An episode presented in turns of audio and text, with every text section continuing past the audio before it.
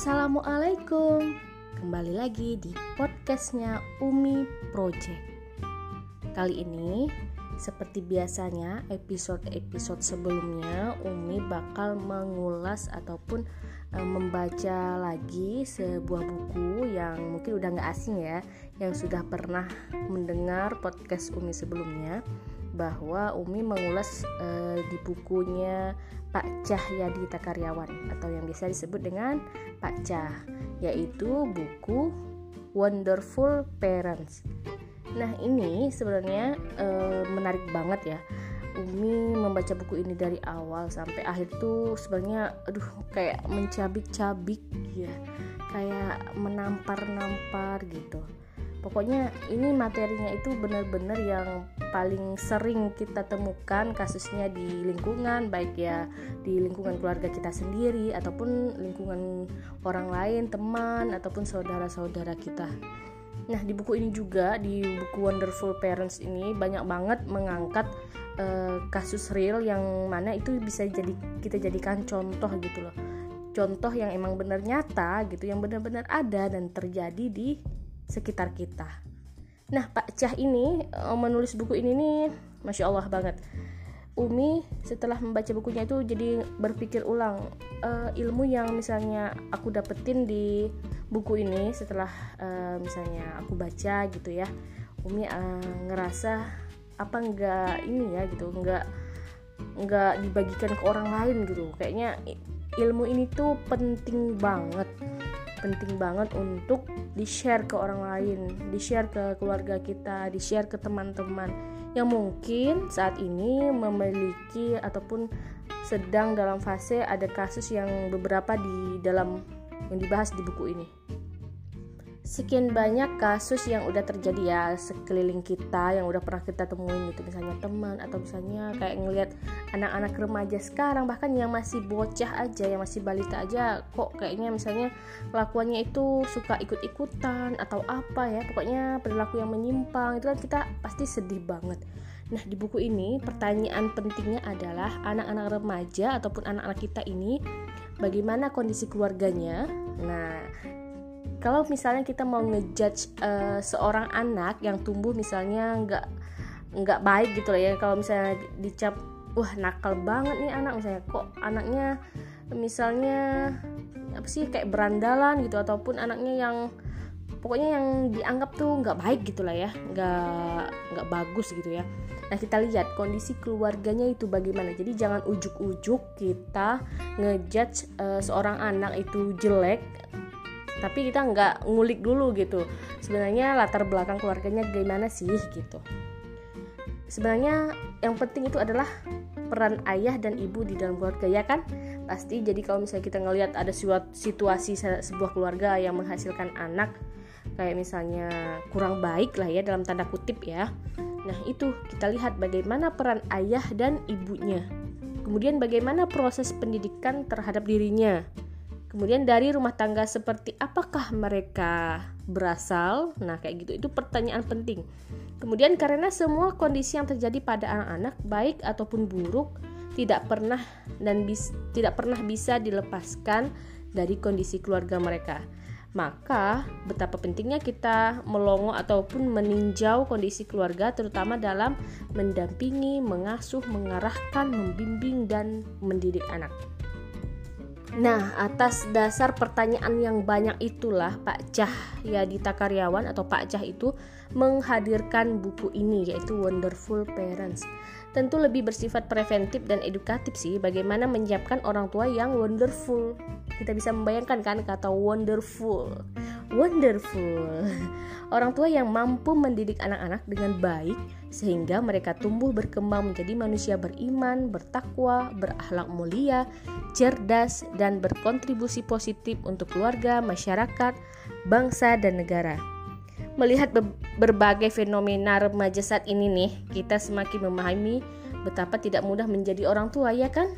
Yang sudah pernah menjadi orang tua bahkan yang baru punya anak itu pasti ngerasain aduh apa kayak gini ya jadi orang tua? Aduh aku belum siap nih pasti ngerasain kayak gini. Umi juga Umi juga ngerasain pertama kali punya anak tuh uh, Masya Allah. Ternyata perjuangan orang tua kita dulu itu nggak semudah semudah dan seenak bayangan orang yang masih single yang masih jomblo ingin menikah gitu loh. Jadi ternyata persiapan untuk menjadi orang tua tuh nggak se ya seindah segampang yang kita bayangkan dulu gitu. Ternyata ya kan? Ya Umi pribadi sih begitu gitu. Setelah ngerasain dan praktek langsung itu ternyata uh, luar biasa banget perjuangannya. Jadi kita semakin memahami bahwa betapa tidak mudah menjadi orang tua kan? Kalau terlalu ketat mengontrol anak mereka akan berontak. Karena jiwa anak muda ataupun tidak suka dikekang. Kalau terlalu memberi kebebasan nah mereka bisa liar tanpa kendali dan membahayakan pihak lain Orang tualah yang akan dipanggil dan ikut mempertanggungjawabkan perbuatan anaknya. Maka sangat penting bagi kita untuk terus-menerus belajar dan berbekal agar bisa menjadi orang tua yang baik. Menjadi orang tua adalah sebuah kondisi proses dan hasil dengan corak yang sangat beragam. Yang pertama, menjadi orang tua karena terpaksa. Adakah manusia yang menjadi orang tua karena terpaksa? Ya, iya, ada nggak? Ada, yaitu mereka yang menjadi orang tua disebabkan telah terlanjur memiliki anak kandung. Terus, ya mau nggak mau, suka atau nggak suka, maka mereka telah menjadi orang tua semenjak kehadiran anak tersebut ya kan status menjadi orang tua baik dia itu masih belia bisa umur baru 14 tahun tapi sudah hamil dan melahirkan ya pasti statusnya tetap menjadi orang tua karena sudah melahirkan anak menjadi orang tua karena keharusan karena keadaan yang memaksa mereka itu untuk memulai mengurus anak realitasnya adalah mereka telah memiliki anak, maka mereka telah menjadi orang tua dan ini yang disebut sebagai orang tua biologis. Nah, jenis yang kedua adalah menjadi orang tua secara mengalir atau mengikuti naluri jiwa. Ada tipe manusia yang menjalani kehidupan dengan apa adanya sebagaimana orang-orang pada umumnya, sebagaimana lazimnya sejarah manusia, sekolah, kuliah, bekerja, menikah, membentuk rumah tangga sebagaimana yang lazim dilakukan oleh orang-orang di sekitarnya. Ia melihat hal seperti itu ada pada ayah dan ibunya, melihat itu ada pada keluarga besar, kerabat, tetangga, dan masyarakat umumnya.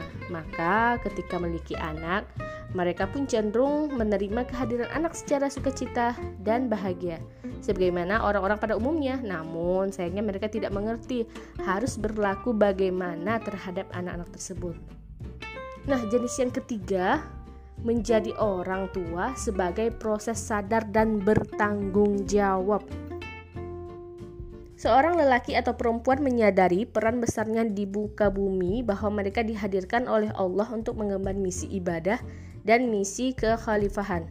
Maka ada tugas mulia untuk menjalankan misi tersebut yaitu melahirkan generasi. Dengan kesadaran utuh seperti ini, mereka melakukan proses pembelajaran secara berkesin berkesinambungan melalui lembaga formal ataupun belajar secara non formal bahkan mandiri. Mereka menyadari kelak harus menjadi orang tua yang mampu mendidik, membimbing dan mengarahkan anak-anaknya menuju kebaikan kehidupan dunia hingga akhirat. Mereka terus-menerus menempa diri untuk menjadi pribadi berkualitas, pribadi unggul, kemudian mencari jodoh yang seimbang, membentuk rumah tangga, serta melahirkan anak-anak dengan penuh kesadaran dan rasa tanggung jawab. Maka mereka mengerti bagaimana memperlakukan anak, bagaimana misalnya mengarahkan, membimbing, mendidik, mencintai, menyayangi, dan membersamai tumbuh kembang anak hingga anak-anaknya dewasa. Nah, inilah yang disebut dengan wonderful Parents. Bagaimana yang akan saya bahas dalam buku ini, kata Pak Cahya Dita Karyawan. Jadi di buku Wonderful Parents ini adalah orang tua yang sadar, mengerti dan memahami peran besar mereka dalam keluarga. Wonderful Parents adalah ayah dan ibu yang mencintai peran dan tanggung jawabnya sebagai orang tua.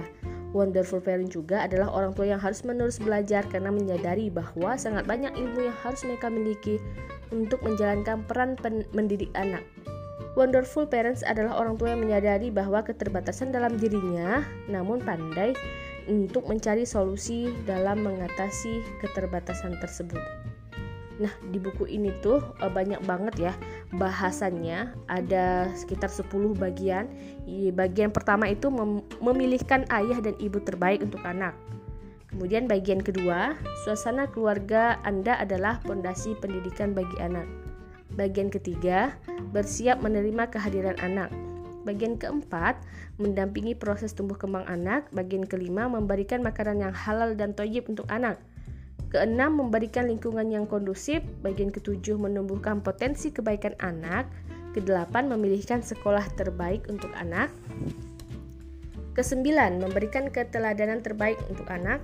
Bagian ke-10, menjadi sahabat anak. Nah, buku yang sederhana ini e, nanti bagian 4 selanjutnya episode selanjutnya Umi bakal bahas dari mulai bagian pertama. Karena sebelum-sebelumnya episode sebelumnya Umi ada ngambil bagian tengah gitu yang memang pas dengan kasus yang lagi ditanyain sama teman-teman. Banyak banget yang nanya bagaimana cara membersamai anak ya waktu itu. Jadi Umi ambil yang bagian episode uh, apa bagian kelima kalau nggak salah.